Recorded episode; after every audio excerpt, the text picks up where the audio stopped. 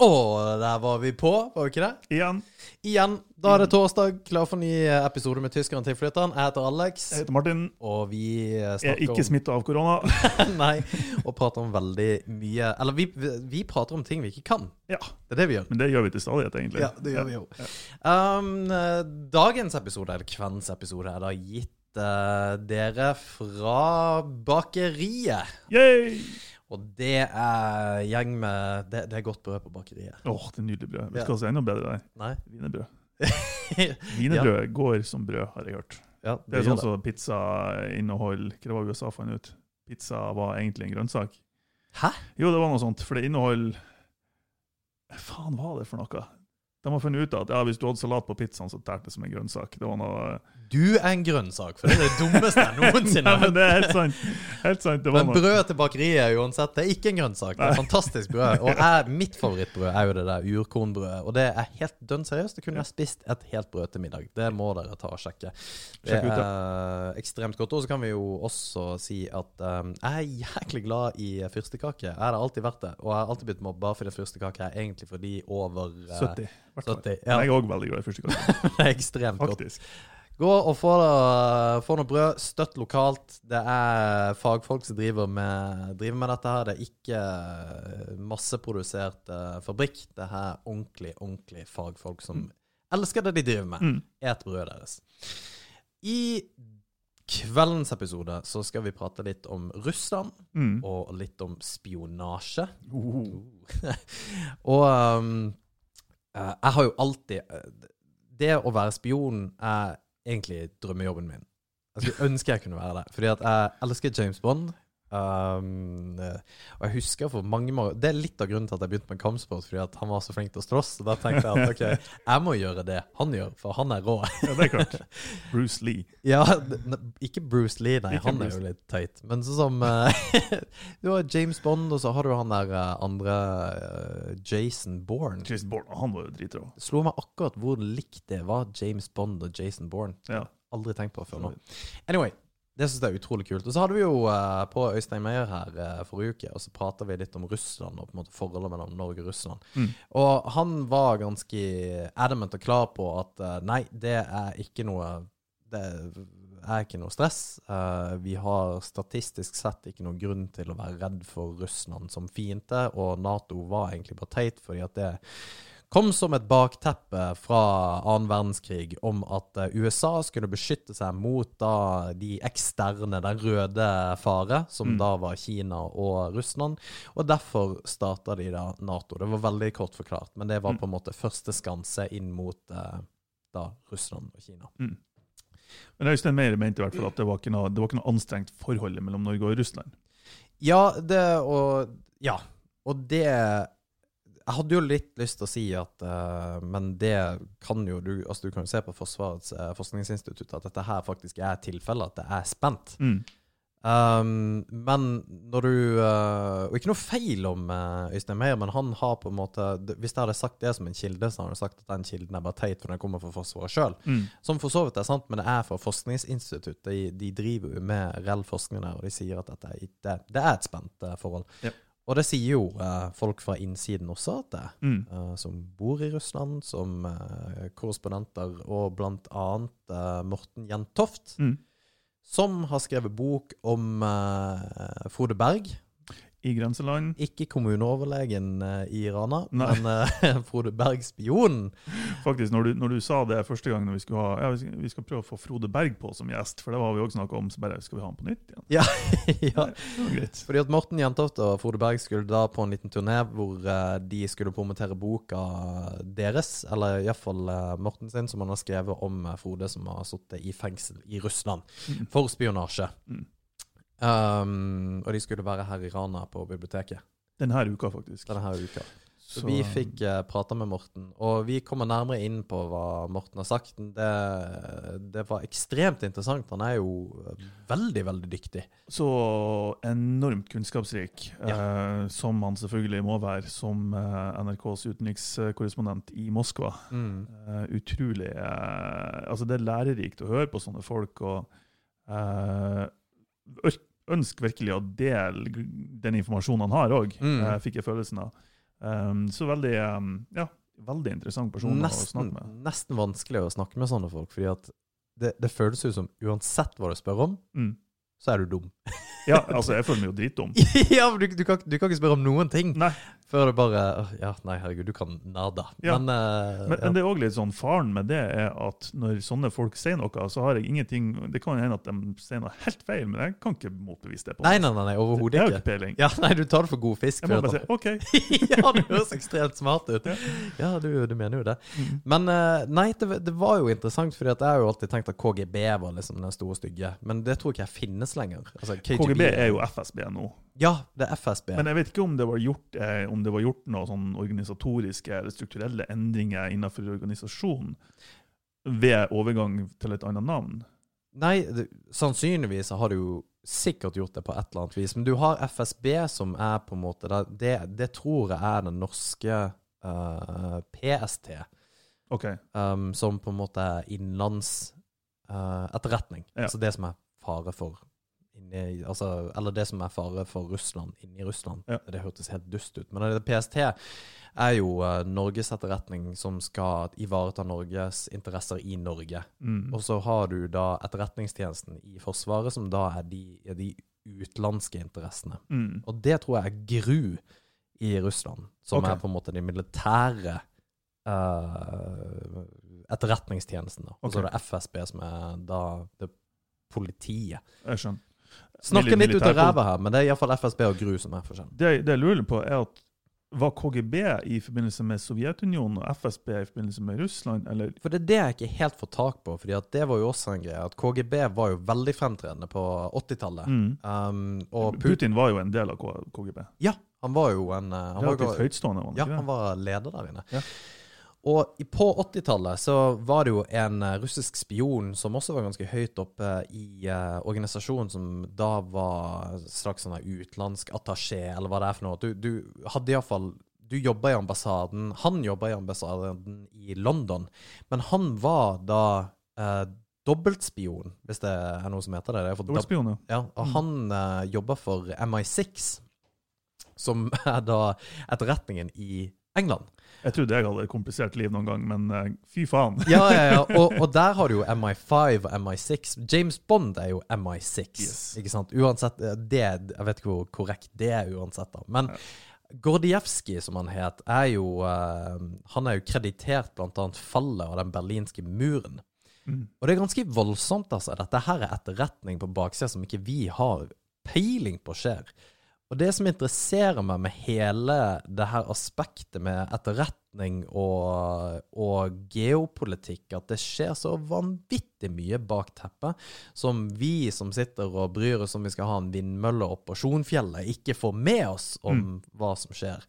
Uh, ikke at vi nødvendigvis trenger det, men vi må på en måte være overvåkende. Ja, akkurat det kommenterer jeg egentlig. Har vi, om vi har fått den informasjonen, har vi, har vi, brukt, har vi fått noe fornuftig ut av det? Ja, jeg tror det i forbindelse med hvilken, eh, hvilken informasjon du deler fritt. Um, nå er vi jo notorisk Folk deler jo alt slags piss på uh, sosiale medier og på en Mm. måte ukritisk bare gir ut informasjon.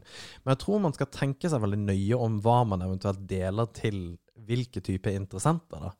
Og det, det som interesserer meg ekstremt mye med dette etterretningsfaglige, er jo hvor um, at en av metodene deres er jo rett og slett å bli kompiser med, uh, med interessenter. Mm. Altså hvis du har en høytstående jobb i ja, eksempel han der knekten i DNV uh, som ble tatt på fersken. DNB? DNV. DNV? Den Norske Veritas, som uh, Å, Han ble jo Han var norskinder og ble tatt pengeveksling med, med han, mellom han og en russisk da, agent. Mm. Og dette her ble jo filma. Det var jo på en uh, Det er det her som var i media for noen måneder siden. Ja, noen måneder siden. Ja. Som var, de, de ble liksom tatt på fersken og filma Mm. i, uh, i en restaurant der midt i Oslo. Mm. Og, og bare det Og han når, når, Og det har vært en ganske åpen sak også, hvor han på en måte stiller seg totalt ut, altså uforstående på hvorfor Ja, men dette her er jo helt legit, liksom. Mm. Og det er veldig mange historier, og spesielt denne Gordievskij-saken som jeg skrev en bok om, da, er jo en ekstremt god bok, eh, forresten. Uh, jeg høres ut som en nerd, men den er faktisk interessant. Mm. Uh, A Traitor and a Spy heter den. Da de, de blir veldig gode venner med, med interessenter, Mm. med folk, da. Eller kilder, som det heter. Så hvis, det, hvis jeg hadde vært en agent, så hadde du vært en kilde, så hadde jeg blitt kjempegod venn med deg. Og så Det tenker er jeg det som foregår her. ja, ja, men du, du har ikke peiling, og det er det som er litt interessant, hvor ekstremt dyktige de er på det her med at ja, men vi er bare venner, og du, du gjør meg bare en vennetjeneste. Mm. Og her skal du Du bidrar ikke til noe spesielt. Eller hvordan de gjør det, det vet jeg ikke. Men det er intelligente, oppegående mennesker som på en måte plutselig tenker at ja, dette her går Det, det er ikke noe stress. Jeg, jeg gjør det. Mm. Og, Jeg har kommet til å falt for det med en gang. ja, men det, det Ny kompis, herregud. Ja, selvfølgelig. ja. Jeg trenger venner. Og det er jo det Frode Berg også har sagt, at han har blitt så, han har blitt så sår fordi at han føler seg brukt. ikke sant? Og det er jo veldig ofte kilder føler det på den måten. Jeg tror at det er ja, ekstremt mange. Og akkurat det med liksom spionasje må jo være Syns det er ufattelig interessant. Mm. Fordi at eh, Tenk deg, har den krafta, da? Altså krafta, har den evnen? Jo. Evnen? Tenk, ja, én ting er den, den innflytelsen du kan ha, eller påvirkninga du kan ha over enkeltindivider. Men jeg tenker òg Faen, så lett det må være å miste seg sjøl. For du, du later jo til å være noen du egentlig ikke er, for å bli venn med noen. Ja. Og det gjør du, det er litt ditt yrke, egentlig. Og et, på lik linje med skuespillere, nesten. Det at du, du later, altså 50% av livet ditt later du som om du er noen andre. Og til slutt tenker jeg at du må jo faen meg miste deg sjøl oppi der. Ja, med mindre du føler at du gjør det for en greater good. Ja. Og det må være derfor. Mm. Eller altså, ja, jeg, jeg tror iallfall det. Og det, det Men det er, ganske, det er ganske voldsomt, da, fordi at det har så ekstremt mye å si. Det er enkeltindivider som eh, Hvis de ikke blir tatt, så tenker du at det, det er uvesentlig. Som Frode Berg ble jo tatt med 3000 euro. Mm. Rundt regna 30 000 kroner. Ja. Det er jo ikke noe som kommer til å på en måte ta og eh, vippe noe geopolitisk stemning mellom Russland og Norge. 30 000 spenn, tenker jeg da. Mm. Ikke sant? Men det har det. Så, så det lille Det er ikke pengene som har det, men det er selve handlinga. Ja, nettopp. Mm. Og, og jeg lurer på det som de 30 000 spenn De skulle sikkert til en har knekt om skulle gi litt informasjon, eller hva, altså, hva det nå var for noe. Jo. Det var sikkert akkurat samme Egentlig akkurat samme uh, vekslinger som ble gjort med han uh, fra DNV i Oslo som satt og spiste med en russisk agent. Men han, han har sannsynligvis aldri tenkt at dette er en russisk agent. Hei, jeg er fra Russland. Uh, En uh, spion. Pst. Ja, ja, kom hit. Du skal Mm. få masse penger. Du må, være, du må ikke si det til noen. Det er liksom sånn, det har jo ikke skjedd sånn. Han har jo sikkert tenkt at det er faen en kul fyr som har lyst til å gi meg penger. Jeg vet ikke, jeg. jeg, fa- jeg, fa- det er liksom Vi skal ikke oversimplifisere det heller. men, men jeg ser for meg at de er sjukt dyktige til å manipulere mennesker Ja. og få dem til å tro det de ønsker de skal tro. Men hvis det kommer en dude til meg og sier du, eh, du, du, få, du, får, du skal få litt penger, og så kan, kan vi spise middag i tillegg Det var ikke at jeg er så lat at jeg har ikke kommet til å orke. Nei. Bare, Ja, du må gjøre det og det og det, du skal få 20 000. Men, du, det gidder jeg ikke. Ja, men fordi de, de får jo heller ikke det. De får liksom ikke oppdrag i fanget med at uh, nå Du, du skal eh, take out Putin eller et eller annet. Her har du en pistol og 30 000 kroner. Go for it. 30 000. ja! Men uh, nei, det, det er ganske Det er interessant og så spennende. Og den verden som vi ikke har peiling på, det skjer så mye rart. Og, Mm. Så først så sa jo Frode Berg at det, han blånekta jo på at det var, hadde noe med etterretning å gjøre, at dette her han skulle på julehandel. Han sa jo det. Jeg skulle på julehandel i Moskva, og jeg har ikke peiling hva dette er for noe. Men så etter hvert så på en måte innrømmer han at det er det. Mm. Og, og det er det at han sannsynligvis har skjønt at OK, jeg må bare holde tett. Men så har han kanskje ikke fått hjelp, eller hva det nå er for noe, og så har han bare sagt vet du, fuck, Fuck it. Jeg må bare ut. Ja. Det, det, det kan jeg tenke meg til, for jeg tror det er akkurat sånn jeg ville reagert. Ja. Jeg, jeg tror Først så ville jeg prøvd å liksom forholde meg til avtalen på et vis, men når du ser at ok, det her eskalerer, ja, ikke sant? så bare fuck it. Nå må jeg bare være åpen og ærlig, og så se hva som skjer. Men fy faen, tenk deg å være to år i fengsel Mm. på Ikke noe hyggelig fengsel, heller. Nei, dette er jo Og det er jo kjent Nå husker jeg jo ikke navnet på det fengselet, men det er jo et kjent fengsel som KGB har brukt i alle år. Det er ikke Gulag. Nei, Um, det er et eller annet på L. Okay. Men det her er det fengselet som er på en måte berykta for å være KGB-fengselet. Okay. Hvor de under på en måte Berlinmuren og, og Altså, den, den store spioneraen eh, var jo under den kalde krigen. For der var det jo Det er jo en kald krig. Det var informasjon som ble tatt fra hver og en. At det, det, ble, det ble ikke en varmkrig med um, skyting, men Mm. det var eh, Det var liksom informasjonsstjeling og sånn. Mm. Og ufattelig interessant. Og, og for, folk som ble tatt ned og faktisk torturert for info. Og, nei, tenk deg. Sitte i den celle med en galning. Så fordi at det, det er liksom ikke Du får, får en cellmate. Det er liksom ikke Ja, hvis det det sittet der inne. Ja, det kommer en kar som eh, som syns da podkast er kult, og som eh, trener Mm. jiu-jitsu, og så har dere ganske mye å prate om. Det er Mm. fett. Ja, når du er desperat og i isolasjon fra før av Ja, ikke sant? Og så får du en eller annen psycho som sannsynligvis har drept noen, og som Mm. eh, Ja, ja, han er jo en kul kis, men han tok livet av liksom hele familien og greier, så han skal bare Mm. sitte Ja. Dere skal være sammen i, på ni kvadrat og prate sammen, og dette her går fint. Ja. Jeg tenker òg altså Det tankespillet og, og sånt som jeg ville hatt i en sånn sammenheng, er jo altså Det kunne jo like så godt ha vært en russisk etterretningsagent i den cella i lag med deg, Ja, ja, som skal ha deg til å innrømme ting, eller som Hvem vet? Og det er det jo sannsynligvis òg. Sannsynligvis. Og det spurte vi også Jeg har kommet til å bli gæren av å tenke på sånne ting. For jeg har kommet til å analysere seg i hodet mitt og prøvd å finne ut av ting at jeg har kommet til å gå gått på veggen. Ja, ja. Og til slutt tror du eh, alle er ute etter Du deg. blir ikke sant? paranoid. Men han sier jo det. Frode Berg har også sagt at FSB tok veldig godt vare på han. Mm. At liksom, ja, han har eksplisitt sagt det under pressekonferansen, den første pressekonferansen han gjorde, så sa han at dette her, eh, det han vil trekke frem, at han alltid har blitt behandla med respekt, og at det har gått bra, og han eh, syns det egentlig veldig Altså, han hadde vel egentlig bare fine ting å si om FSB. Mm. Og det er jo, som Morten da kommer inne på når han eh, nå kommer på, var jo at det er jo fordi at Russland vil ikke ha det på seg at de hadde gjort noe vondt, eller gjort noe ondt mot uh, Frode, da. Mm.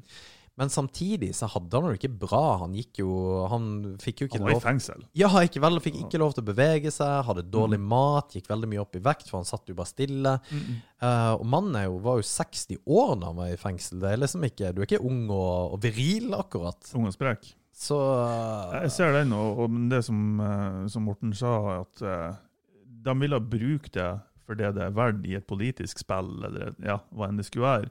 Men og jo verre de har behandla Frode Berg, jo dårligere odds har de for å kunne bruke det i et politisk spill. Da. For Ja, det, blir jo, det går mot sin hensikt. når de, eh, ja.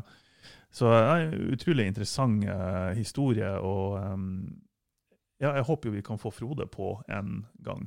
Ja. uh, For å høre virkelig uh, fra hans munn hva, som, eh, hva er det som har skjedd. og, og eh, Selvfølgelig kan folk lese boka, men eh, det har vært interessant å høre det fra han. ja. Og den boka er kjempeinteressant, så Mm. hvis, uh, hvis dere får det til, eh, ta og kjøp den. Kjøp den. Den finnes som e-bok. Um, eh, herregud, hva heter? Uh, I grenseland. I Grenseland. Jeg kjøpte den som e-bok og fikk den inn på Kindle Ja. Mm. på Amazon, og det var helt konge. Så ja, ønsk deg den til jul, blant annet. Jeg tror det er interessant. Mm. Og hvis uh, dere er ekstra interessert som jeg da, så kjøp den der uh, The Traitor and the Spy med Gordievskij-saken. Fordi det, det er Altså, det, det var helt sinnssykt. Det Mm. var helt sjukt. Da han, han ble jo smugla ut av Russland også.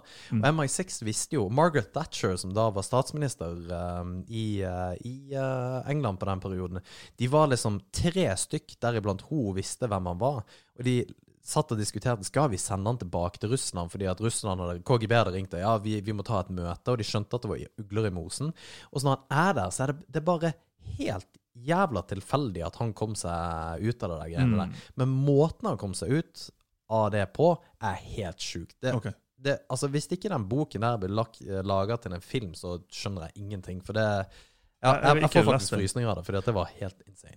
Og er man ekstra interessert, så altså, Jerntoft han Morten eh, har jo skrevet syv, åtte, nei, seks andre bøker Ja. eh, i tillegg, som òg er veldig veldig interessant. Blant annet om eh, altså, jeg tror den heter Finland 1918, Ja. om finske borgerkrigen og sånne ting. Så det er utrolig eh, Han er eh, Det er ikke den første boka han har skrevet, for å si det sånn. Eh, veldig erfaren og en enormt mye kunnskap. Han har vært to perioder som utenrikskorrespondent i, i Moskva. Um, og gikk vel av nå sist, bare for kan det være et år siden? Noe? Ja. noe sånt, i hvert fall. ja. Så, så sjekk det litt ut hvis dere vil. Um, ja. Jeg husker ikke hva jeg skulle si, men bare at eh, ja, jeg får frysninger av dette. Så jeg syns dette var kjempespennende å prate med han. Men uh, jeg, var, jeg var litt redd for at det hørtes ut som at jeg var tjukk i huet. Det, kan, jo- det, det er jo for så vidt. Men det var På dette temaet så kan jeg ingenting. Nei, men det som er interessant, hvor, fordi at når du setter deg litt inn i dette, så skjønner du litt mer verdensbildet. Ja. Uansett, og det er ikke det at du bare klikker, men det det er bare det å lese seg inn i hvordan det, hva som har skjedd. Altså Kan du historie, så kan du veldig mye mer om uh, å kunne forutsi fremtida. da, Ja, Hva som skjer, og hvorfor det skjer. jeg tror jo mer du kan om historie, eller om, om uh, uh, internasjonal politikk, eller hva enn du skulle være, så skjønner du mer og mer at det ikke er enkle svar på ting. Mm, For fy faen, det er komplisert. Ja, ikke sant? Fy faen, det er Ja, det er ikke bare 'slutt å bombe' eller 'ikke gjøre det'. Eller, Det er bare å gjøre sånn her. Ja. Det er bare å sende noen dit. Ja, for det er ikke Det det. er ikke det. Nei, Det er et puslespill som har en million biter, Ja. og som gjerne er i 3D òg. Ja, nettopp. så, er ja. Superinteressant, eh, altså. Så ja. Uh... Det som er litt eh, artig nå, det er at eh, vi får sikkert Vi har jo en sånn kart på eh, hvor lytterne våre kommer ifra. Ja. kommer til å tikke inn noen sånne russiske russiske listenere. Det er sånn, kunne du begynt episoden med 'Jeg har lyst til å bli spion', og de bare Hei! ja, jeg vet det. Jeg kommer, meg, jeg kommer til å være så weirded out med deg, for jeg er sikker på at du bare har sagt ja til ja. Du får 30 000 kroner, Martin, om du Jeg vet da faen hva interessant du skulle ha sagt. Der, Men jeg kunne ha blitt sånn kvadruppelspion. Alle som har spurt, bare Ja. ja. Ja, fordi at jeg lurer på hvor grensen er. Du kan, tenk hvor sjukt det er. de uendelige. Kvadruppelspion. Ja. Det hadde vært så sinnssykt. det. Da er du high level. Da er du high level. Da har du god årslønn. Fy faen, altså. Nei. Ta og Folkens, kos dere med Morten Jentoft. vi skal sende den nå, og eh, det her er en eh, samtale som vi hadde rett før vi spilte inn det dere hører nå. Kompliserte greier der. Eh, og så får dere bare nyte. Og så kanskje vi hører fra Frode, Frode Berg senere. Vi får se. Det gjør vi. Ja. Den er god. Ha det bra. Kanon, Morten. Du, tusen takk for at du eh, holder ut og eh, vil ta en liten prat med oss. Selv om jeg skjønner at du har litt Du skulle jo egentlig hatt den her for en time siden, skjønte jeg? Eh, nei. Nei, det gikk greit. Ja, jo, jo, det vil si at jeg, jeg ba om det fordi at det passet litt bedre for meg å ta det litt før. da, Men eh, ja, nei, men vi kjører på nå med en gang. Ja, kjempegøy. Tusen takk. Du, eh, Morten, vi, har jo, eh, vi tok jo kontakt med deg på bakgrunn av at du skulle komme hit og til Mo i Rana og presentere boken din om Frode Berg i grenseland. Uh, og det er vi jo uh, meget interessert i. Vi har også en, uh, et publikum som da er litt interessert i disse saker, da. Um, og det er jo ganske bemerkelsesverdig. Du fikk jo var det ikke, Du fikk vel uh, Jeg holdt på å si lov. Du fikk vel oppdrag om å skrive boken i februar, og ga den ut i oktober. Stemmer det? Nei, det stemmer vel ikke helt. Eh, vi ble vel enige i, desember i, i fjor da, om at jeg skulle skrive denne boken i samarbeid med Frode Berg. Men det er riktig at eh, jeg begynte egentlig ikke å jobbe for fullt med skrivearbeidet før i mars. Men da hadde jeg jo en helt ideell situasjon for en eh, forfatter, nemlig at eh, Ja. alt var stengt ned, og dermed så kunne jeg sitte i ro og mak og, og jobbe med dette materialet. Og jeg hadde jo gjort unna en god del av eh, researchen, innsamlingsarbeidet, før jeg begynte å skrive, sånn at det, det gikk eh, ganske radig unna utover våren, ikke minst når man slapp å bli forstyrret av andre ting. Ja, det vil jeg tro. Du, har gjort det i rekordfart, da. Det må jeg bare si. Du har fått uh, Ja. En, eh, Ja, i forhold til eh, jeg som ellers jobber veldig tregt eh, med bøkene mine, det går jo ofte ganske langsomt og med store intervaller, så har jo denne boken blitt ferdig i rekordfart, det må jeg kunne si. Ja. Hva, hva som, eh, når tid begynte du å, å fatte eh, interesse for denne saken, egentlig? Ja, eh, jeg fikk jo en telefon eh, eh, Skal vi se, det var vel altså 10. desember 2017. Da var jo jeg korrespondent i Moskva.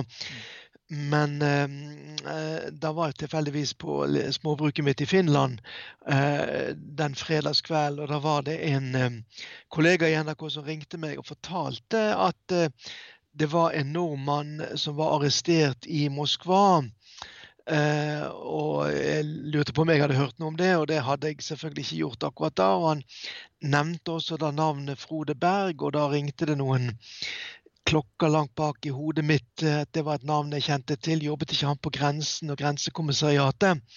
Så eh, du, allerede den gangen så um, fikk jeg jo da en, en, liten forsmak på det som da senere skulle bli Frode Berg-saken. Da trodde jo jeg i likhet med mange andre at her var det en nordmann som hadde rota seg litt vekk i Moskvas natteliv og gjort noe dumt. Eh, men eh, det gikk jo ikke så mange ukene før vi forsto at her var det kanskje noe mer, ikke minst når eh, jeg for første gang fikk snakke med Frode Berg sin advokat Ilja Novikov. Det var vel 7-28. desember, og han sa ganske klart ifra at denne saken her, den blir kun løst på politisk nivå mellom Norge og Russland. Og det var jo en indikasjon på at um, her var det kanskje noe mer. Uh, og etter hvert så forsto vi jo det at denne saken var jo langt, langt mer alvorlig enn det vi først trodde. Ja, Mm. riktig.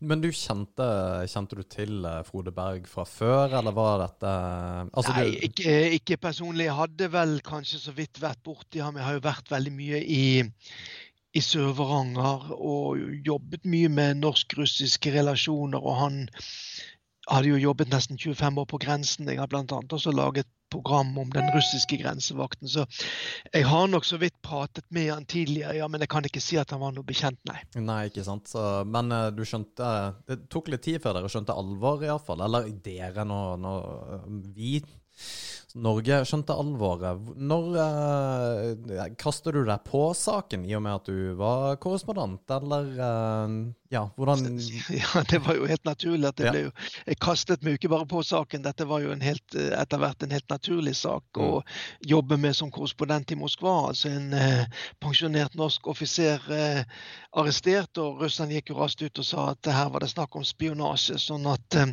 dette ble jo en, eh, en, en hovedsak for, eh, for, for meg som NRKs korrespondent i Moskva da dette siste drøye halvåret, altså våren 2018. mm. For Morten, du har, jo, eh, du har jo en interessant historie. Du har jo bodd i Russland en eh, stund også, har du ikke det? Jo, jeg har jo vært korrespondent for NRK i to perioder, så jeg har jo bodd der eh, åtte Ja, man kan si kanskje til sammen borti åtte og et halvt, ni år. Mm. Hvis man regner med en del andre opphold som jeg har hatt der borte. Så eh, ja, må jo kunne si at det er et, et nesten mitt, mitt andre eller tredje hjemland. Ja, nettopp. For det, det er litt av årsaken til det at vi også har lyst til å prate med deg, er jo å få litt klarhet i eh, fra, si, fra utsida hva gjelder relasjoner mellom eh, Russland og Norge. Um, fordi at det er jo klart at eh, Frode Berge-saken har jo vekka interesse for Eller kanskje eh, gjort det litt mer eh, eh, populistisk å, å, å, å grave i det forholdet. Men uh, for den gemene mann i gata som eh, ikke har så mye peiling på det altså Hvordan, hvordan har det norsk-russiske forholdet endra seg i uh, den senere tid? Ja, det har jo endret seg i tråd med den eh, forverrede, de forverrede relasjonene mellom Vesten og Russland generelt. Og mange har jo pekt på at den russiske annekteringen av eh, den ukrainske Krimhalvøyen i eh, februar-mars 2014 var vendepunktet. Men eh, forverringen begynte nok egentlig ganske mange år tidligere. Og eh, her beskylder jo Vesten og Russland hverandre gjensidig da for uh, at det er motparten da som er ansvarlig for at forholdet har blitt dårligere. Men når vi snakker om forholdet mellom Norge og Russland, så har jo det vært uh, egentlig veldig godt eh, helt fram til 2014. Vi fikk jo flere viktige avtaler. Avtalen om eh, grensen i Barentshavet, eh, utrolig viktig, som ble inngått i 2010. så har vi også denne avtalen om grenseboerbevis mellom Norge og Russland. Eh, også et tiltak som i høyeste grad er med på å gjøre forholdet bedre, ikke minst for de som bor i grenseområdene. Mm. Eh, og det er jo bare å gå til statistikken på grensepasseringer mellom Norge og Russland fram mot 2014, så var jo den sterkt økende. og Det, det er jo et, et, barometer på forholdet mellom Norge og Russland, selv om mange vil si at eh, økonomiske, det økonomiske samarbeidet mellom Norge og Russland aldri egentlig har tatt helt av. Hvis vi da ser bort ifra fiskeriene, som jo har vært en suksesshistorie som går helt tilbake til den gangen Russland var en del av Sovjetunionen. Mm. Var det i 2014, eh, nevnte du, og, og, har det, altså i hvor stor grad har forholdet vårt til Russland for, forverra seg etter det? Og er det, er det den Krimhalvøya-episoden eller hendelsen som, som har, eh, som er på en måte utelukkende den årsaken som, som har forverra det? Ja, altså fra, norsk side så sier man jo det, men fra russisk side så vil man jo si at eh, Vesten har brutt gamle løfter til eh, Russland ikke, at ikke Nato skal nærme seg Russland når, eh, når eh, de baltiske land f.eks. ble med i Nato, mange østeuropeiske land ble med i Nato, så, så, sier russerne at dette er et eksempel på at det er Vesten som faktisk trapper opp, som er ansvarlig for denne opptrappingen av forverringen av forholdet mellom, mellom, mellom Russland og Vesten. Og Det kan man jo gi dem delvis rett i hvis man ser det fra et russisk synspunkt. Hvis man ser det fra de baltiske land, så vil jo de se på dette helt annerledes. De ser jo på dette som en garanti da eh, mot, en, eh, mot en, en, en, østlig nabo som tidligere har vist vilje til å bruke makt mot dem. Altså Her er jo historien svært svært viktig, og den ligger jo høyt oppe i dagen i de, i de baltiske land, i Polen f.eks. Så, eh, så, så, så, her her har det jo vært en, en, en, en, gradvis forverring som egentlig skjedde før Krimhalvøya. Det har kanskje vært litt lite fremme sett med norske øyne, akkurat de tingene der.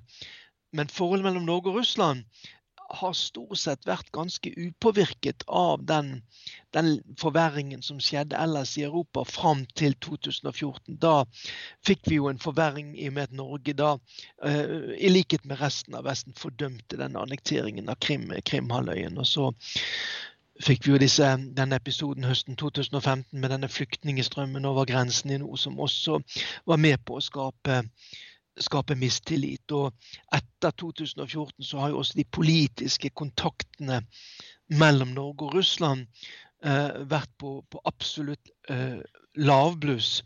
Det har jo nesten ikke vært politiske besøk på høyt nivå i Russland fra norsk side. og Alt dette har jo vært med på å, å virkelig forverre, forsure forholdet mellom Norge og Russland også. Så kom da denne, denne Frode Berg-saken på toppen av det hele. Mm. Fordi at du, uh, du skrev i, uh, i, februar i år um, tittelen 'Surt mellom Norge og Russland', hvor du går litt inn på forholdet. Og så er det ikke lenge siden en av kollegene dine også skriver da Det her er jo 10. november, og vi er den 17. i dag. 16. i dag. om anklager, at Russland anklager Norge for økt spenning i nord. Eh, så det virker jo fra en som er utenforstående, da, at uh, her går det um, uh, Altså, her går det galt, eller i hvert fall går uh, en vei. Er det Altså, hva er realiteten? Er dette her Bør vi bekymre oss? Ja, det er jo mye negativt. Og det er jo særlig de russiske myndigheter gjennom den russiske ambassaden i Norge som har gått hardt ut mot det som man mener er en norsk eh, sikkerhetsbasepolitikk på glid. Eh, dette er også noe som har pågått noen år, der man altså har gitt eh, amerikanske elitesoldater muligheter til å øve på mer eller mindre permanent basis i, i Nord-Norge. Så har vi da denne diskusjonen om de amerikanske eh, atomubåtene og bruk av baser i Tromsø-området. Eh, alt dette eh, eh blir jo fra russisk side sett på som at norsk basepolitikk er på glid, og at Norge mer og mer underkaster seg eh, et aggressivt USA.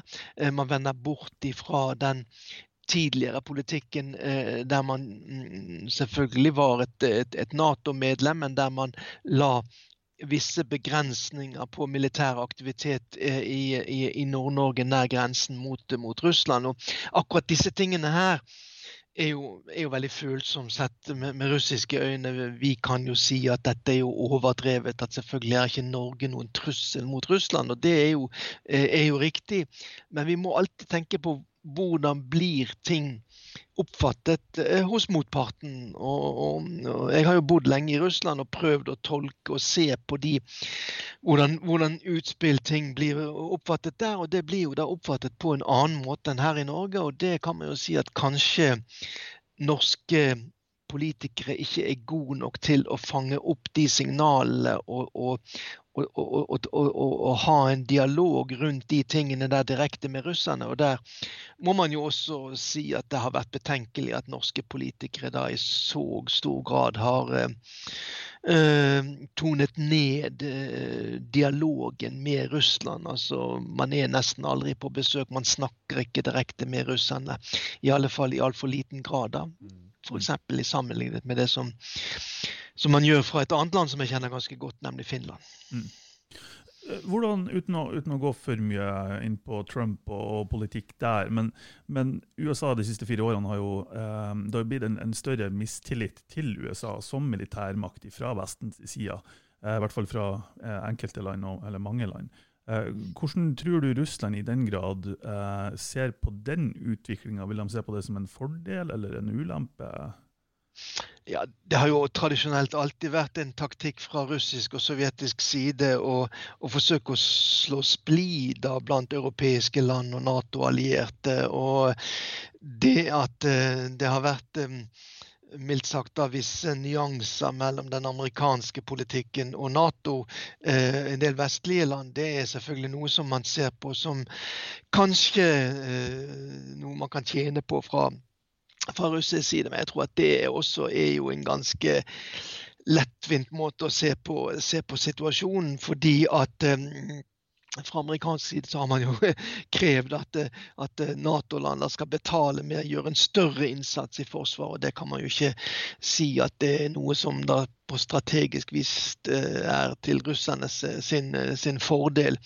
Eh, russerne har jo gjerne villet forholde seg direkte da, bilateralt til, til land i, i, Nato, gjerne også bilateralt direkte til USA.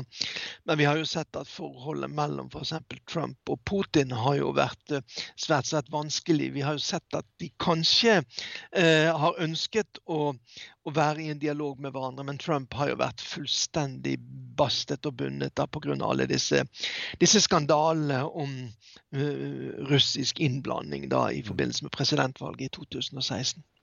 Men hvilken, hvilken rolle tror du Hvis jeg går tilbake til forholdet mellom Norge og Russland, hvordan, hvordan har Frode Berg-episoden vært en innvirkning? For det virker jo som at Uh, igjen fra en utenforstående så virker det som at Frode Berg ble benådia av uh, Putin selv.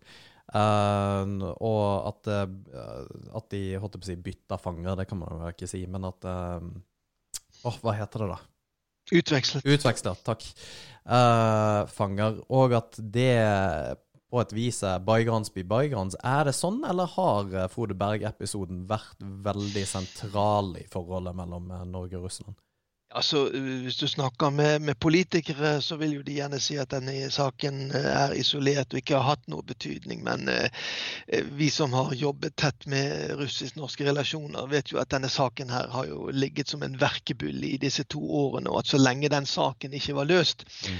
så var det veldig vanskelig å komme, komme, videre i forholdet mellom Norge og Russland. Det ville jo være den eneste saken som vi journalister var opptatt av under eh, samtaler mellom Norge og russere de, de, de, få gangene det var, det var, noe av. Så selvfølgelig har denne saken ligget der og ulmet. Eh, selv om vi skal ikke heller overdrive og si at den saken har skygget for alt mulig annet. Altså Det at forholdet er såpass dårlig som det er nå, det har jo også, som jeg nevnte i sted, en god del eh, andre, andre årsaker. Men det at saken nå er er ute av verden, det gjør i alle fall det mulig å, å komme videre og snakke om, om, eh, om, andre ting.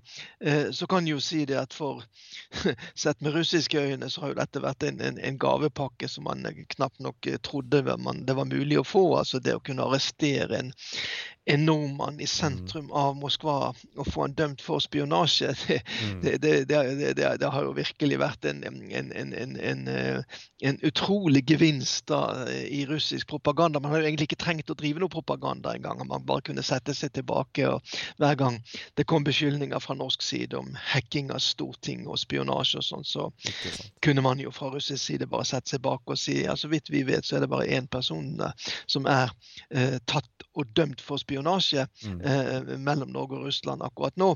Og det, den, eh, den mannen er ikke russisk. Mm. Hvordan eh, For det Frode virker jo som at han er mer eh, Skal vi kalle ordet sår? Han er iallfall uh, virker eh, sånn at han har blitt berått av eh, Etterretningstjenesten. Er det, hvordan, hvordan har han det etter dette her eh, nå? Ja, Det får jo nesten spørre han selv, men Ja. han har jo tatt dette eh, egentlig helt utrolig eh, bra. Men uh, han er jo fremdeles bitter over det som han mener er et svik fra personer som han stolte på. Eh, han føler jo seg lurt i denne saken her. Han tar ansvaret for at han sa ja til å ta disse pengene, etter hvert også disse minnekortene til Russland. Men han sier det at de som sendte ham, burde jo ha visst bedre. De burde eh, ha tenkt seg nøyere om enn det å sende en tidligere eh, offiser da på et skarpt oppdrag inn i Russland. Så han er jo eh, fremdeles bitter da på disse personene i den norske etterretningstjenesten som er ansvarlig for denne operasjonen. Men han er samtidig også takknemlig for de som har tatt seg godt av han han kom tilbake, fått både psykolog, psykologhjelp, eh, annen hjelp, den økonomiske erstatningen selvfølgelig. Så, eh, så han, er nok, eh, han er nok litt delt på akkurat disse tingene her. Ja, fordi at jeg hørte jo eh, Jeg har jo hørt noen podkaster med Frode. Han har fortalt hvordan eh, det var i fengselet, og det, det hørtes jo ikke ut som at det var en særlig god opplevelse. eh, noe de fleste kan tenke seg. Men han har likevel gode ord å si om FSB og hvordan han ble, ble ivaretatt, selv om han sier også ordrett at det var ganske rått i fengsel. Altså, han sov jo med lyset på, det hadde en cellekamerat på åtte kvadrat, var det vel, eller noe sånt noe. Nia. Nia. Um, hvordan eh, Altså, har, eh, har han blitt behandla bra, russerne, tror du? Selvfølgelig så ønsket ikke russerne at Frode Berg og norske myndigheter skulle ha noe å, Mm. å, å kikke på. Sant? Altså å, å si at han ble dårlig behandlet. Eh, og det sier han jo selv også, han ble ikke dårlig behandlet. Men eh, å bo eh, to år i isolat, og det er altså isolat på ni kvadratmeter sammen med ikke bare én, men diverse figurer fra den russiske underverden. Mm. Det kan man jo bare tenke seg til at det, det var en utrolig ubehagelig og sterk opplevelse. Han sier jo selv at hadde ikke han hatt så eh, lang erfaring med omgang eh, med russere fra grensen opp i nord, så tror han dette hadde blitt eh, veldig, veldig tøft. Altså det, det, så fikk han jo etter hvert også inn eh, kan du si, forsyninger via den norske ambassaden, som jo trofast kom til Lefortovo-fengselet annenhver uke. Og, sånn at han led jo ingen, ingen direkte nød. Det gjorde han jo ikke. Men, eh, men eh, du kan jo selv tenke deg om du, hva du hadde syntes å sitte i to år i isolat eh, eh, i et fengsel. Det er, det er, det er beintøft. Ja, ja, det er klart. Det, ja, det kan vi, vi alle tenke. Mm. Um, hadde du Nei, eh, eh, spørsmål, for han, han ble dømt til han var funnet skyldig i 2019, eh, når han ble dømt til de 14 års fengsel. Og, og det tok jo ikke så fryktelig lang tid etter det før han ble benådiga. Eh, tenk, tenk du at, at det har egentlig vært planen eh, fra Russlands side hele tida, å, bruke det som en, en sjakkbrikke eh, med, med bytte av um, av, av fangene som vi snakka om tidligere, eller, eller uh, var det noe de så i etterkant? Eh, Ja, det, det tror jeg helt sikkert var noe som var med i, i beregningen her. eh, Altså, eh, ble en, en handelsvare her, det var det jo ingen som helst tvil om. Eh, Men det tok jo tid. Det, tok jo godt over et halvt år da, fra dommen, hvor da Russland hadde fått sin propagandaeffekter gjennom å dømme en nordmann for spionasje, til man fikk da til denne utvekslingen. Og da tror jeg nok det at russerne var ute etter å egentlig bli kvitt denne saken så raskt som mulig, men de ville selvfølgelig ha noe igjen og fikk da til denne avtalen med, med Litauen, der eh, Norge ble femte hjul på vognen. Eh, og mange har jo lurt på hva i all verden er, dette for noe? Altså eh, Russland eh, får to og bytter ut eh, bytter tre personer eh, ut. Hva er det som ligger i dette? her? Hva er det Norge har gitt her ekstra? Så, men det Jeg tror at, at fra russisk side så var man, var man, så godt fornøyd med det man hadde fått ut av denne saken, eh, rent propagandamessig, at eh, man ønsket ikke å, å, forverre forholdet til Norge ytterligere her. Da. Og eh, det var kanskje ikke helt tilfeldig at det eneste besøket som Eh, den norske statsministeren Erna Solberg har gjort etter at koronaen kom til utlandet. Det skjedde jo nettopp til Litauen. Selvfølgelig eh, så har man fra norsk side sagt at eh, vi er en støttespiller for, for Litauen sikkerhetspolitisk. Vi har jo norske soldater som er stasjonert i, i, i Litauen i, i, forbindelse med denne Nato-styrken, den tyskledede Nato-styrken som er der borte. Så, så her er det sikkert ikke skrevet noen, noen avtale avtale, men eh, det ligger nok i kortene at uh, gjennom å ta Frode Berg med her, da, så forplikter Norge seg til i framtiden til fortsatt sterk støtte til, til Litauen sikkerhetspolitisk. Mm. Nå begynner vi å nærme oss slutten, Morten. Jeg har, jeg har ett spørsmål når vi går til boka di da, i Grenseland. Er det noe spesielt som, i boken som stikker seg ut som ekstra interessant eller voldsomt? Er det, er det en historie i boken du, eh, som du reagerte på? Ja, altså Jeg syns det er jo to ting som kanskje stikker seg veldig ut i, i, boken. For det første så er det jo kanskje den dokumentasjonen som der er om hvordan FSB fra et ganske tidlig, eh, tidlig tidspunkt da eh, narrer eh, den norske etterretningstjenesten med på et spill der altså gevinsten til slutt er, er Frode Berg arrestert i Moskva, og hvordan eh, FSB styrer da denne operasjonen eh, fra et veldig tidlig tidspunkt. Det andre som jeg vil trekke frem ved boken, det er jo disse dagbøkene som både Frode Berg og ikke minst hans kone Anita skriver under fengselsoppholdet.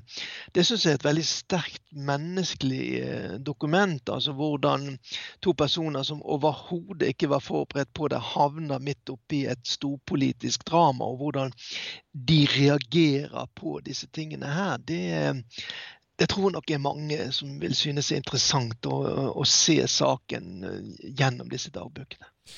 Og de eh, kommer disse dagbøkene ut, eller er det, er det planlagt? Nei, disse, nei, disse dagbøkene er jo da en viktig del av boken min. Ja, riktig. Mottatt. Ja.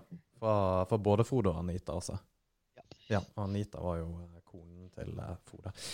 Uh, Morten, tusen hjertelig takk. Uh, jeg vet ikke om det er noe du nå på tampen har lyst til å plugge, eller annet enn at Hvor får folk tak i boken? Den burde være til salgs i alle bokhandlere, også i Mo i Rana. Det var veldig synd at den ble avlyst, den turneen som jeg skulle ha denne uken her til, til Bodø og Mo i Rana. Jeg hadde virkelig gledet meg til å komme til begge de stedene, ikke minst til Mo i Rana. Jeg har jo vært på gjennomreise der før, men aldri holdt noe foredrag og sånne ting der. Så jeg håper jo det at så snart vi får kontroll på denne koronaepidemien, så, så, blir det noe av en, en tur til Mo i Rana. For det hadde jeg eh, virkelig gledet meg til. Ja, det er godt. Vi skulle jo glede oss til at du kom òg. Eh, jeg gjorde i hvert fall det, og det tror jeg mange mange andre òg gjorde. Eh, så vi håper at du, du kommer i fremtiden en gang. Ja, jo, vi, hadde jo, vi hadde jo billetter i, i, fremste rad. Og det er som jeg sa til deg, Morten, at Gordijevskij-saken og boken som er gitt ut av, den, den ja, pirrer interessen min for spionasje mellom da landegrensene. Så det her var Det blir interessant. Vi, vi håper vi ser deg her i Rana. Det gjør jeg også, ja. ja okay. Tusen takk, Grete. Ha, ha det, godt. Ha det bra. Ha det.